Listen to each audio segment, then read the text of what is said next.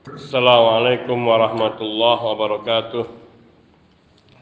Alhamdulillah wahdah wassalatu wassalamu ala man la nabiyya ba'dah wa ala alihi wa sahbihi wa mawalah amma ba'd.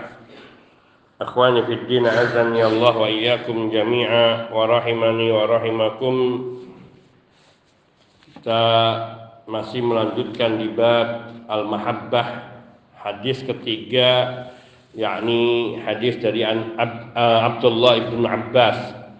Wa an ibn Abbas radhiyallahu taala anhuma qala man ahabba fillah wa abghadha fillah wa wala fillah wa ada fillah fa innama tunalu wilayatullahi bidzalika walan yajida abdun ta'mal iman wa in kathurat salatuhu wa saumuhu hatta yakuna kadzalika.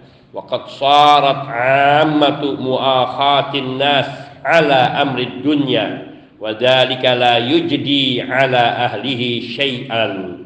Rawahu ibnu jarir.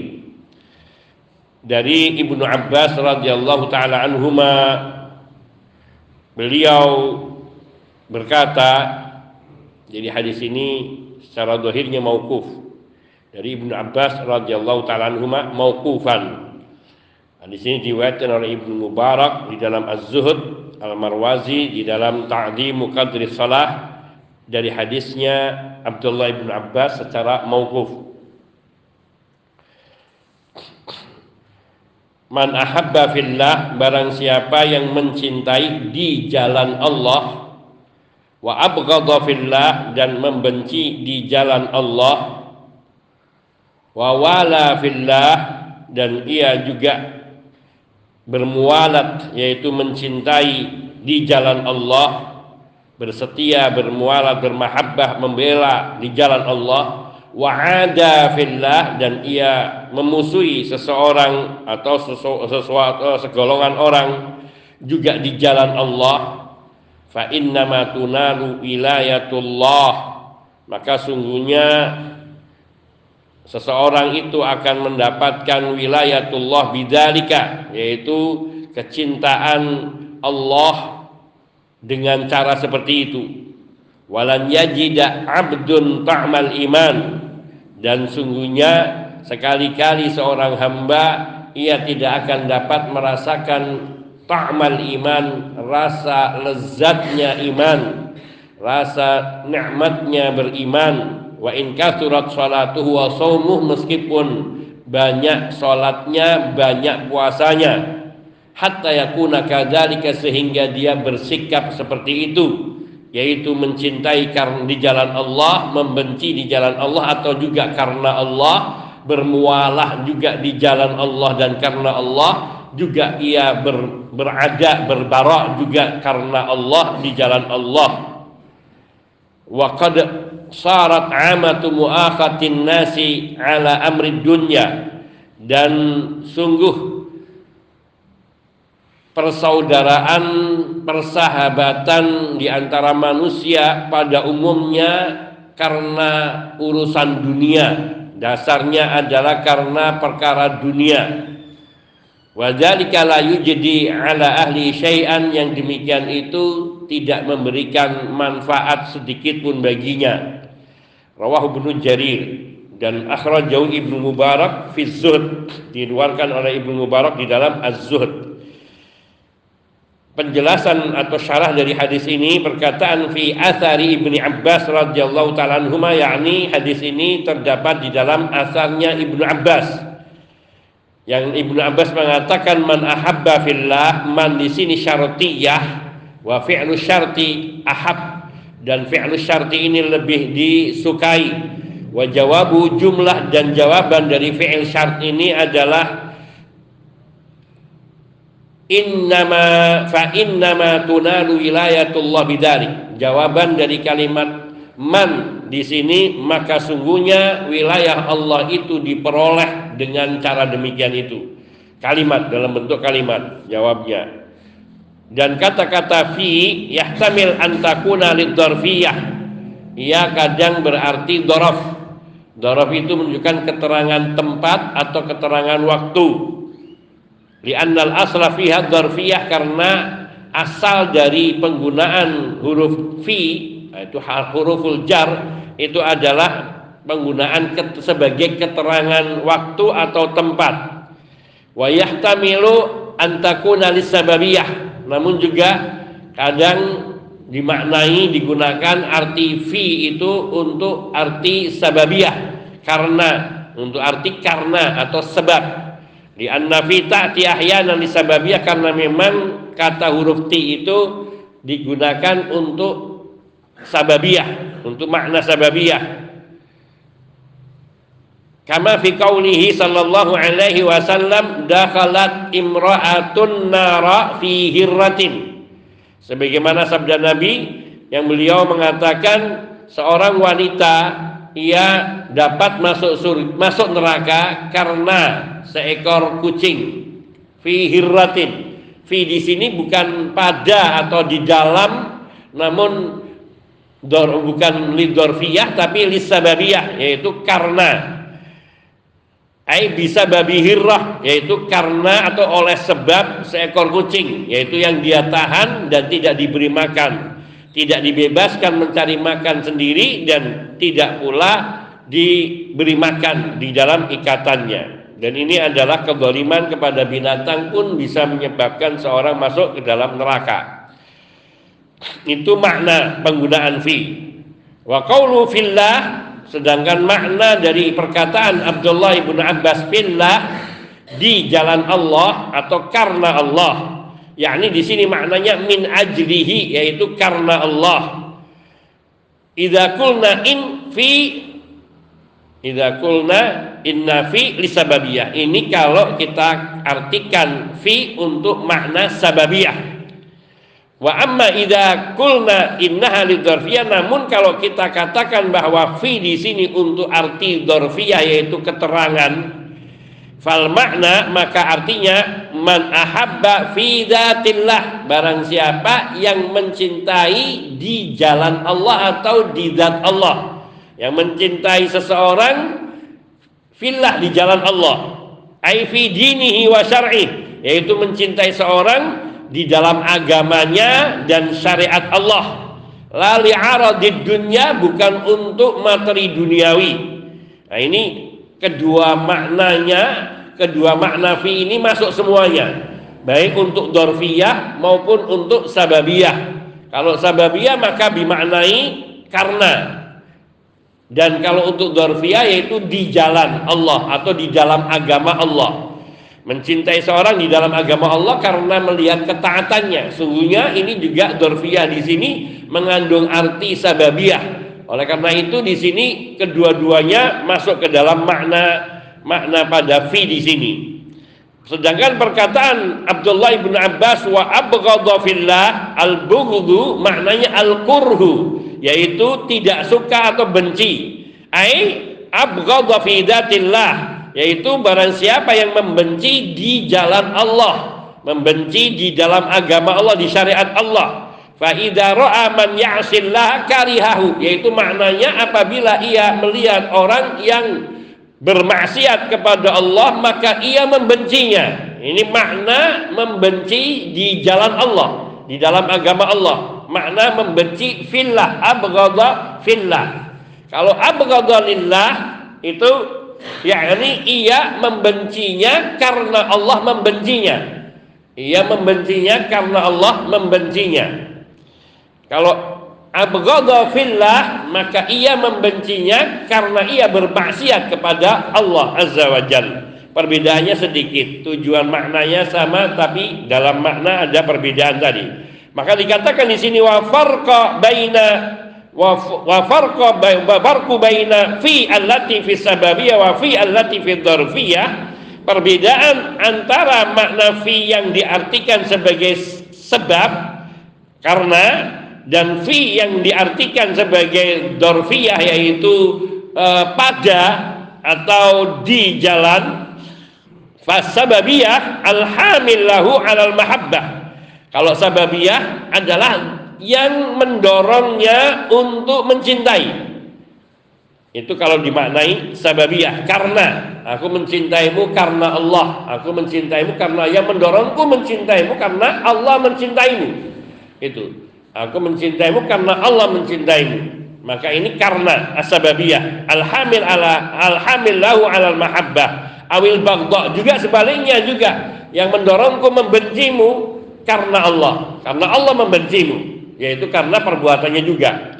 Wa huwa huwa Allah, yaitu karena yang mendorongnya adalah Allah yang menjadi sebab. Wal dzarfiyah sedangkan kalau fi diartikan sebagai dzarfiyah bermakna maudhi'ul hubbi awil karaha huwa fi dzatillah yaitu letak cinta dan kebenciannya itu di jalan Allah atau di syariat Allah di agama Allah pada apa yang dibenci oleh Allah Subhanahu wa taala dalam perbuatannya.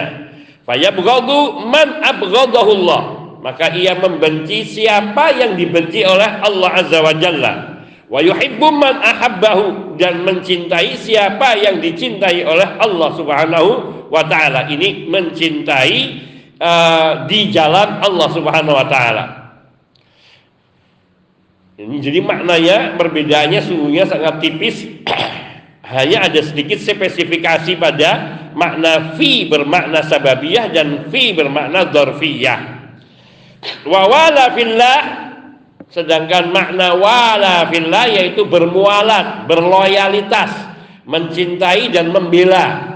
Itu makna wala di sini al mualah hiya al mahabbah wan nusrah al mahabbah cinta wan nusrah dan pembelaan dan pertolongan.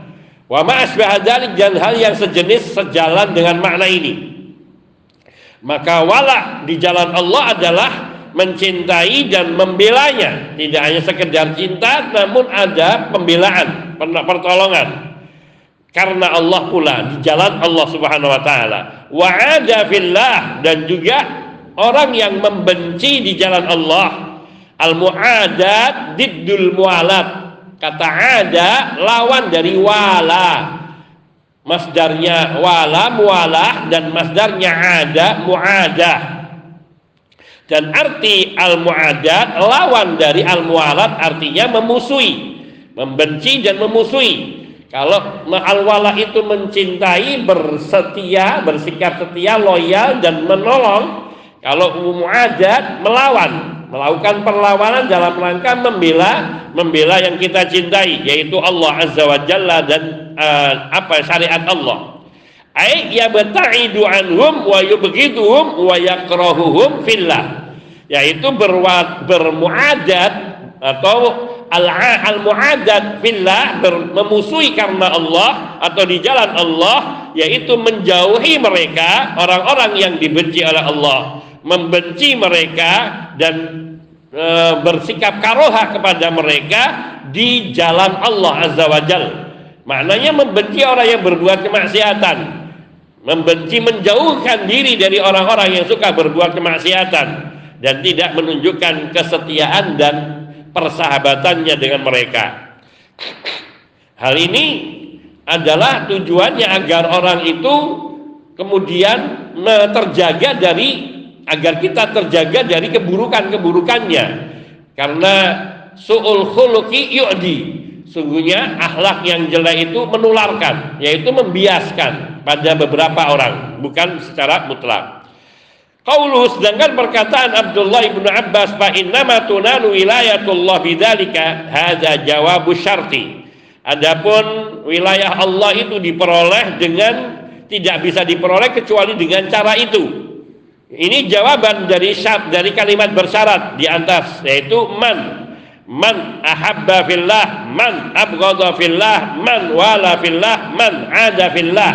Maka ini jawaban syaratnya adalah la tunalu wilayatullah bidzalika yang wilayah Allah tidak akan diperoleh dengan cara kecuali dengan cara seperti itu. Fa inna tunalu wilayatullah bidalik. Fa inna tunalu bukan la tunalu. Fa inna tunalu wilayatullah bidalik. Karena sungguhnya wilayah Allah itu hanya bisa diperoleh dengan cara itu. Ini makna inna tunalu wilayatullah. Ai yudrikul insanu wilayatullah wa yasilu ilaiha li'annahu ja'ala mahabbatahu wa bughdahu wa wilayatahu wa mu'adatihi lillah.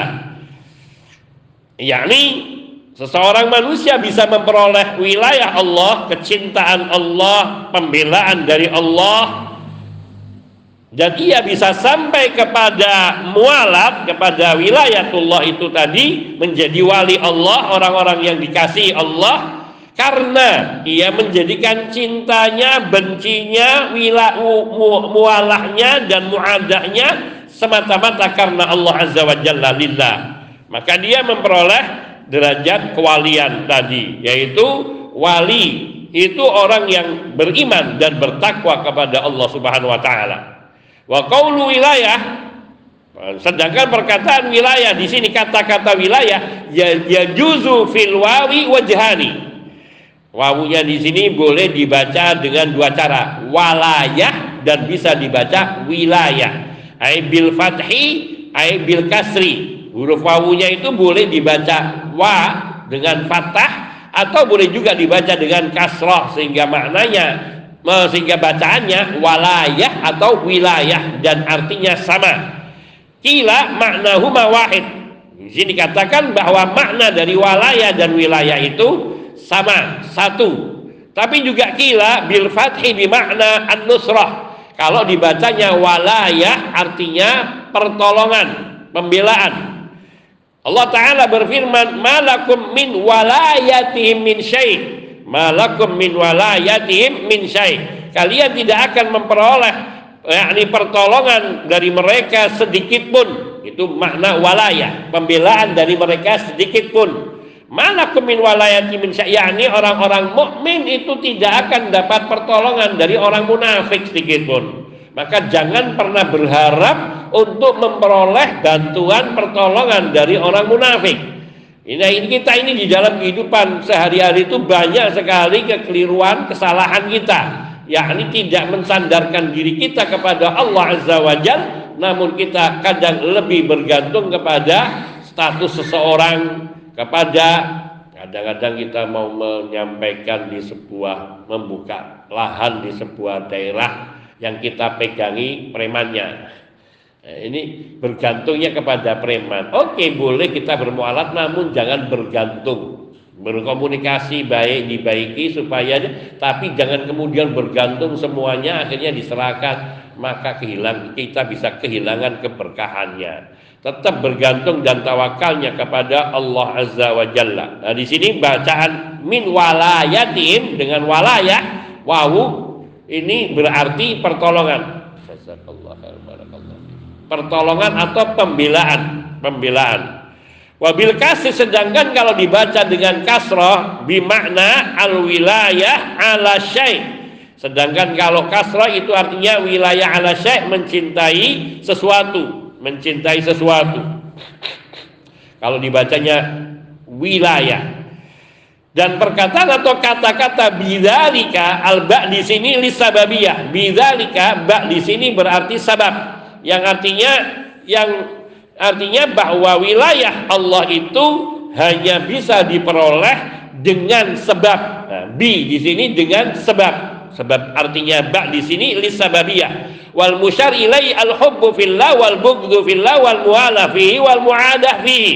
Dan yang diisyaratkan di dalam makna bidzalika apa yang dimaksudkan bidzalika yaitu tidak bisa diperolehnya wilayah Allah kecintaan Allah itu. Yakni bahwa kecintaan dan kesetiaan kepada Allah itu atau wilayah Allah itu hanya bisa diperoleh dengan yaitu mencintai karena Allah membenci karena Allah bermualat di jalan Allah karena Allah dan bermuadah memusuhi seseorang membenci seseorang juga karena Allah dan di jalan Allah azza wa jalla wa atharu mauquf lakin marfu. Hadis ini kalau secara sanad ataupun matanya dia eh, secara sanadnya riwayatnya mauquf Artinya hanya sampai kepada Abdullah ibnu Abbas radhiyallahu taala Karena di sini Abdullah ibnu Abbas atau riwayat ini dia mengatakan Abdullah ibnu Abbas berkata Rasulullah SAW bersabda tidak disebutkan sehingga dohirnya sanadnya maukuf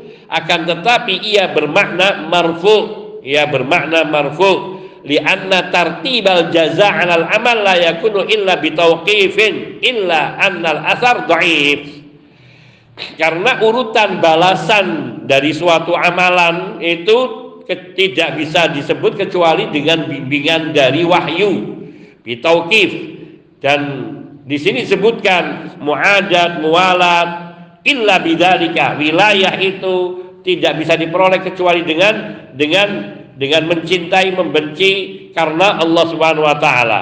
Akan tetapi akan tetapi bahwa asar ini dhaif asar ini dhaifun Nah di sini disebutkan akhrajahu at-Tabari fi tafsirihi wa Ibnu Abi Hatim fi tafsirihi wal Hakim wa azzahu Suyuti fi Durril Mantur li Abd ibni Hamid atau Humaid. Ini diriwayatkan oleh Imam At-Tabari di dalam tafsirnya dan dikatakan di sini oleh Syekh Muhammad bin Shalih Utsaimin illa annal asara dhaifun hanya saja asar ini kalau dikatakan asar berarti riwayat itu ditunjukkan kepada sahabat tidak sampai kepada Nabi. Namun hukumnya marfu. Namun riwayat ini dhaif tapi di sana ada riwayat-riwayat hadis lainnya yang menyebutkan tentang ini. Fa hadis, nah di sini nanti ada sambungannya walan yajida abdun ta'mal iman wa in kasurat salatu wa saumu hatta yakuna kadzalik. Ini yang lebih tegasnya lagi. Yang lebih pokoknya jadi. Sehingga di sini katakan annal insan la yajidu ta'mal iman wa halawata wa ladzatahu hatta yakuna kadzalik seseorang ia tidak akan merasakan tidak akan dapat merasakan rasa kenikmatan ataupun rasa daripada keimanan. Manisnya iman dan lezatnya iman. Kenikmatan beriman manisnya beriman lezatnya beriman. Hatta yakuna kadzalik sehingga dia benar-benar mencintai karena Allah, membenci karena Allah, berwala karena Allah dan memusuhi seseorang juga karena Allah. Walau katurat sholatuhu wa meskipun dia banyak sholatnya, banyak puasanya, namun kalau dia tidak belum melakukan semuanya itu karena Allah di jalan Allah, maka belum dapat merasakan manisnya iman. Allahu Akbar. Maknanya apa? Dia benar-benar sikapnya ikhlas. Intinya ikhlas di dalam beramal. Seorang yang tidak mencintai karena Allah ini berat sekali. Mencintai karena Allah itu berat. Dan apalagi membenci karena Allah. Melihat ada orang berbuat maksiat, kita benci. Semini-minimalnya menjauh. Kadang kita itu nggak enak. Wah nanti kalau kita benci semua nanti nggak ditemenin. Nah ini kadang pertimbangan semacam itu yang menyebabkan kita tidak bisa mencapai kesempurnaan iman. Meskipun sholatnya banyak, puasanya banyak, artinya di sini bukan sholat tidak berguna, bahwa sholatnya sah, puasanya sah, yang dimaksudkan sholat yang banyak, puasa yang banyak, namun tidak dibarengi cinta karena Allah, benci karena Allah di jalan Allah, itu tidak akan mengangkat derajatnya untuk sampai kepada wilayatullah tadi. Wa kaifa yastati'u aqilun fadlan an mu'minin ayyuwaliya a'da Allah. Maka di sini bagaimana seorang yang berakal, apalagi seorang mukmin, ia bisa berwala, bisa bersikap setia, berteman dengan musuh-musuh Allah. Fayara a'da Allah yusyriku nabi wa yakuru nabi wa yasifunahu bin naqais wal uyub thumma yuwalihi wa yuhibbuhum. Seseorang ia melihat musuh-musuh Allah berbuat kesyirikan, berbuat kekafiran, mensifati Allah dengan sifat-sifat yang tidak layak, tidak lazim, mensifati Allah dengan sifat-sifat yang aib, yang cacat, kemudian orang ini dijadikannya sebagai temannya, sahabatnya, kekasihnya, dia mencintainya. Maka bagaimana orang ini bisa dikatakan waliullah sementara dia mencintai orang-orang yang dimusuhi oleh Allah yang dibenci oleh Allah Azza wa Jalla. Wa qama al-laila kullahu wa sama ad-dahra kullahu fa innahu la yumkin ayyala ayyanala ta'mal iman. Orang yang seperti ini tadi yang memandang orang lain semua kan mereka berhak di dihormati, mereka juga hamba Allah, mereka ini dengan alasan berbagai alasan. Namun dia tidak membenci siapa yang dibenci oleh Allah tidak membenci di jalan Allah tidak mencintai siapa yang dicintai oleh Allah dan tidak mencintai di jalan Allah. Meskipun dia banyak sholatnya banyak puasanya. Wa qamal lail kullah. Dia bangun setiap malamnya di seluruh panjang malamnya misalnya. Wa samad dahra kullah. Meskipun dia sepanjang tahunnya hampir berpuasa seluruhnya Fa innahu la yumkin ayyana la ta'mal iman. Dia tidak mungkin bisa merasakan lezatnya, manisnya, nikmatnya beriman kepada Allah. Fala budda ayakuna qalbuka mamlu'an bi mahabbatillahi wa muwalatih.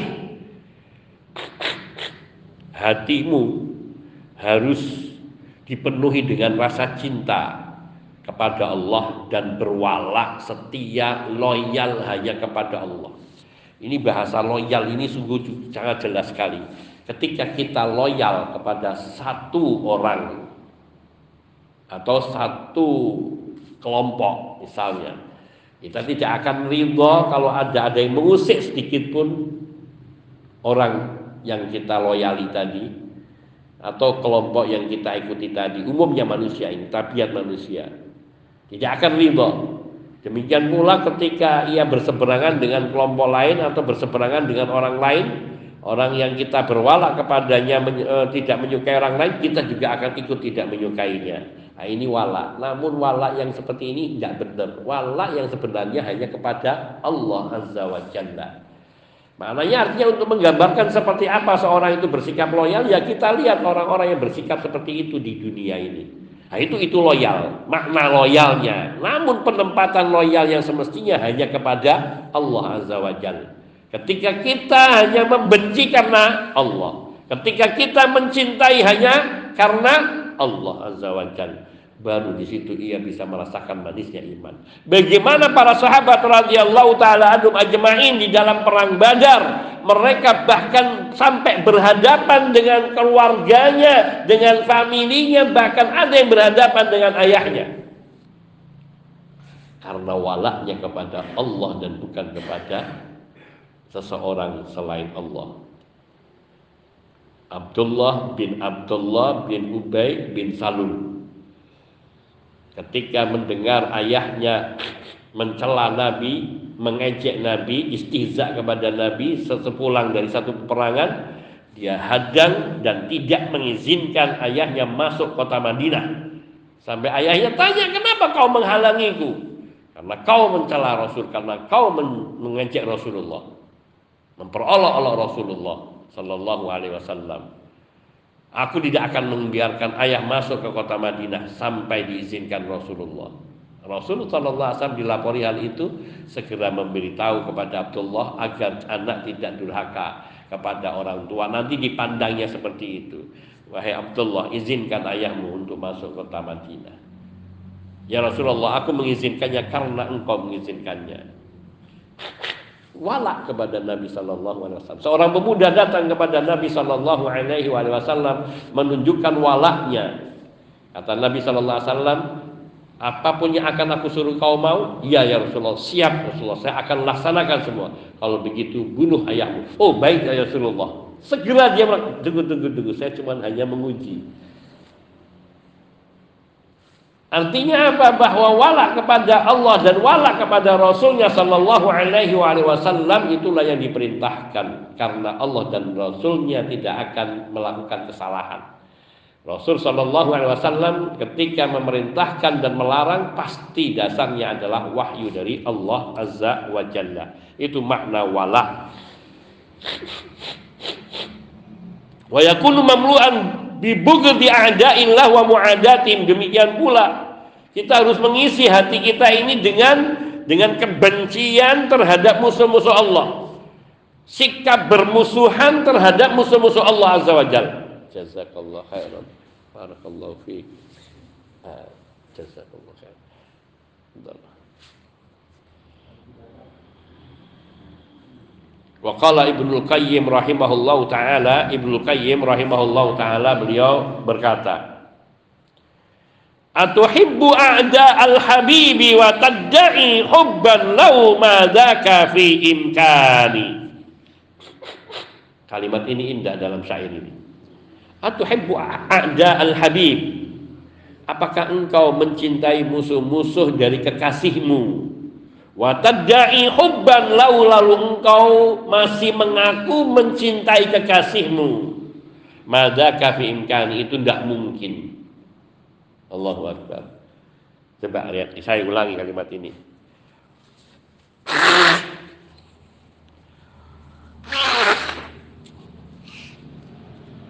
Atuhibbu a'da Allah Atuhibbu a'da al-ahba al-ahda a'da al-habib Apakah engkau mengaku apakah engkau mencintai musuh-musuh kekasihmu Ya ini maksudnya Allah Watadai hubban lau lalu kamu menganggap bahwa kamu masih mencintai kekasihmu.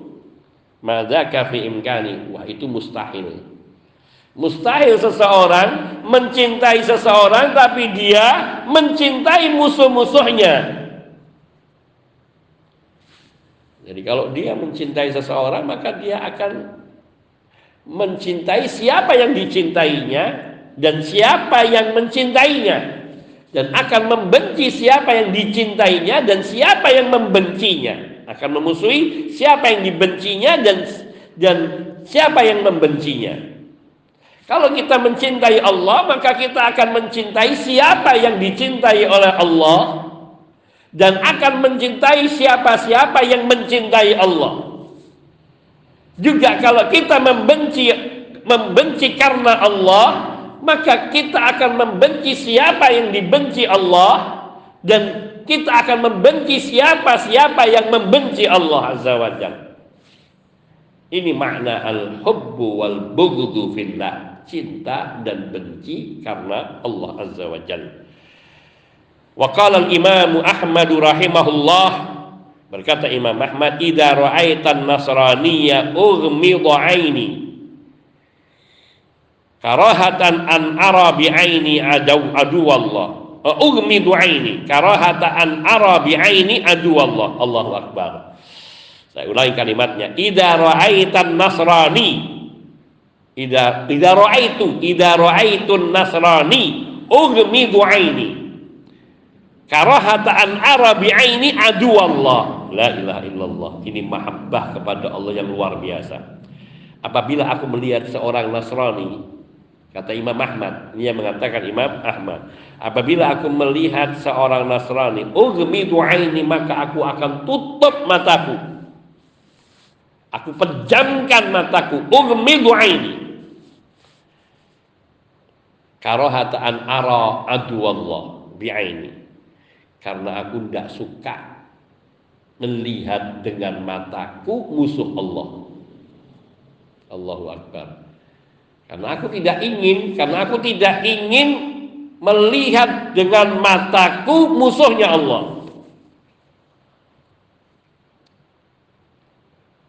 Ini yang luar biasa. Hadalladzi yajidu ta'mal iman. Orang yang seperti inilah yang ia telah bisa merasakan lezatnya, nikmatnya, manisnya iman. Wal billah alladzi Amma wal iyadu billah alladhi yara anna al-yahuda wan nasara nasara ala dinin mardiyyin wa maqbulin. Inna Allah ba'da ba'd i'tatin nabi sallallahu alaihi wasallam fa huwa kharijun 'anil islami mukadzibun bi qaulillahi raditu wa raditu lakumul islam madina Adapun naudzubillah kita berlindung kepada Allah adapun orang yang memandang orang yang melihat atau berpendapat bahwa orang Yahudi, orang Nasrani, mereka ini mengikuti agama, memeluk agama yang diridhoi dan diterima Allah meskipun itu setelah diutusnya Nabi Shallallahu Alaihi Wasallam atau sejak sejak telah diutusnya Nabi Shallallahu Alaihi Wasallam. Orang yang berpendapat seperti ini bahwa orang Yahudi juga agama Allah di, orang yang Nasrani juga mengikuti agama Allah. Orang yang berpendapat seperti ini dia keluar dari Islamnya. Kharijun anil Islam. Mukadzibun biqaulillah dia berdusta dan mendustakan firman Allah Artinya dia menolak mengingkari firman Allah. Apa itu? Waraditu lakumul Islam madina karena Allah mengatakan dan aku ridha Islam sebagai agamamu. Karena Allah Subhanahu wa taala yang menjadikan Islam sebagaimana sebagai agama yang diridhoi. Lalu bagaimana ia meridhoi orang yang beragama selain dari agama yang diridhoi oleh Allah Azza wa Jalla. Dan juga ia berdusta mendustakan firman Allah inna dina indallahil Islam. Inna dina indallahil Islam. Agama yang diridhoi di sisi Allah adalah agama Islam. Dusta dia, mendustakan ayat ini. Karena ia karena ia mencintai musuh Allah. Juga firman Allah Subhanahu wa taala dalam surat Ali Imran ayat 85 Wa may yabtaghi ghairal islami dinan fala yuqbala minhu wa huwa fil akhirati minal khasirin. Barang siapa yang memilih selain Islam sebagai agamanya, maka sekali-kali tidak akan diterima dari dirinya semua amalannya dan dia kelak di akhirat nanti termasuk ke dalam golongan orang-orang yang merugi. Orang yang mengatakan bahwa orang Nasrani juga mengikuti menyembah Allah, orang Yahudi juga menyembah Allah. Mereka juga sama dengan kita, saudara kita. Ini orang ini mendustakan ayat-ayat Allah tersebut. Dan betapa banyaknya orang-orang kaum liberal apalagi sampai mengakui, menghormati, mengucapkan selamat kepada agama Bahaiyah agama Bahiyah ini agama Syiah yang sesat menyimpang sudah jauh dari Islam. Semalam ada Zoom live Ustaz Firanda, kelewatan setengah delapan. Itu yang menerangkan tentang apa itu agama Bahiyah, mungkin masih ada rekamannya mengisyaratkan agama bahaya ini agama aliran dari Syiah yang sesat menyimpang sekali. Saya lupa ciri-cirinya. Bisa nanti kita dilihat di dalam eh, sumber-sumber uh, pustaka dalam yang membicarakan tentang bahaya. Namun yang jelas bahwa dia agama yang sudah keluar dari Islam. Lalu bagaimana seorang tokoh agamawan dijadikan tokoh di negeri ini lalu dia mengucapkan selamat Gak tahu selamat apa itu selamat hari jadi atau selamat hari kebangkitannya. Hari raya Nauruz, la ilaha illallah. Ini orang seperti yang dikatakan oleh Syekh Muhammad bin Utsaimin kharijun anil Islam. Dia sudah keluar dari Islam apalagi dia memilih tempat di gereja segala macam toleransi sampai ada orang-orang yang sekarang sudah masuk gereja kalian saudara kami ini tidak punya walah dan barok ini karena tidak mengetahui apa itu walah dan apa itu barok naudzubillah min dalik ولكثرة اليهود والنصارى والوثنيين صار في هذه المسألة خطر على المجتمع karena banyaknya orang Yahudi, Nasrani dan juga penyembah berhala, paganis, orang-orang paganis penyembah berhala, maka dalam masalah ini benar-benar suatu perkara yang sangat berbahaya bagi umat, bagi masyarakat. Alal mujtama, suatu hal yang membahayakan. Karena banyaknya orang Yahudi Nasrani akhirnya takut dimusuhi mereka apalagi yang berpolitik ingin mencari dukungan. Naudzubillah semua disalami. Salun haleluya apalagi itu. Semua disalami dengan salam-salam mereka hanya untuk mencari simpatik kepada mereka. Orang-orang seperti ini maka apa yang dia peroleh dari dunianya? Dia tidak menang sudah kalah dia jual akidahnya. Naudzubillah min dalik karena lemahnya pemahaman tentang tauhid dan akidah yang benar dan tidak mengetahui sumber-sumber kekufuran dan kesesatan dan penyimpangan. Wa asbaha katsirun minan nasil anna yufarriq baina muslimin wa kafir. Banyak orang di zaman ini tidak bisa membedakan atau tidak membedakan muslim kafir. Nauzubillah. Wala yadri anna ghairal muslim aduwwul dan orang-orang sekarang ini tidak tahu kalau orang kafir itu orang yang bukan muslim itu musuh Allah. Karena dia telah durhaka kepada Allah, kufur kepada Allah. Kan dia musuh Allah. Bal huwa aduwwul lahu aidan bahkan sungguhnya dia musuhnya juga. Musuh dirinya juga. Orang kafir itu musuhi dirinya. Bagaimana kemudian ia mencintai orang yang memusuhi dirinya dan memusuhi Allah? Allah berfirman di dalam surat Al-Mumtahanah ayat 1 ya ayyuhalladzina amanu la tattakhidu aduwi wa aduwakum awliya Wahai orang-orang yang beriman jangan kalian jadikan musuhku dan musuhmu sebagai kekasihmu. Jelas sekali Allah mengatakan wahai orang-orang yang beriman jangan kalian menjadikan musuhku adui musuhku kata Allah. Wa aduwakum dan musuh kalian aulia sebagai pemimpin-pemimpin kalian kekasih kalian sahabat kalian pelindung kalian penolong kalian Fahum a'da'un lana walau tadhaharu bisodaqah. Mereka itu hakikatnya musuh kita meskipun mereka menampakkan diri dalam bersikap seolah-olah sahabat kita, baik kepada kita. Kalau Allah Ta'ala dalam surah Al-Ma'idah ayat 51 Allah berfirman Ya ayuhalladzina amanu la tattakhidul yahuda wan nasara awliya ba'duhum awliya'u ba'din wa man yatawallahum minkum fa innahum minhum Innallaha la yahdil qaumadh dhalimin. Hai orang-orang yang beriman, jangan kalian menjadikan orang-orang Yahudi dan orang-orang Nasrani sebagai pemimpin-pemimpin kalian, pelindung kalian, sahabat kalian, penolong kalian sama saja. Pelindung, penolong, sahabat, pemimpin sama semua. Ba'duhum awliya'u ba'din Sebagian mereka itu pantasnya hanya menjadi pemimpin, penolong, sahabat bagi sebagian yang lainnya yang sejenis. Makanya Allah mengatakan wa mayyatawallahu minkum maka siapa di antara kamu yang menjadikan orang Yahudi dan Nasrani sebagai pemimpinmu, sebagai penolongmu, sebagai sahabatmu, fa innahu minhum maka dia itu sudah sama dari golongan mereka. Fa innahu minhum maka sesungguhnya dia termasuk ke dalam golongan orang Yahudi dan Nasrani. Naudzubillah.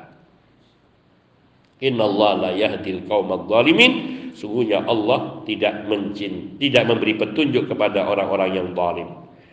Satu paragraf pendek. Fal an asbahna fi mihnatin wa khatarin adim. Maka sungguhnya sekarang kita ini benar-benar pada ujian yang sangat berat dan pada posisi bahaya yang sangat besar li'annahu yukhsha ala abna'ina wa abna'i qaumina ayyarkanu ila haula'i wa yuwadduhum wa yuhibbuhum. Karena dikhawatirkan khawatirkan yang akan terjadi pada anak-anak keturunan kita anak-anak dari bangsa kita kaum kita umat kita mereka akan cenderung kepada mereka orang-orang Yahudi dan Nasrani mencintai mereka bermawadah kepada mereka. Ini indikasi ketika banyak dari kita menyekolahkan anak-anaknya ke luar negeri bukan negara-negara Islam. Ke Amerika ke Australia ke Perancis ke Kanada ke Belanda ke Jerman saya ingat sekali ayah saya rahimahullah ketika saya mendengar ada teman saya sekelas SD dulu yang sekolah di Jerman.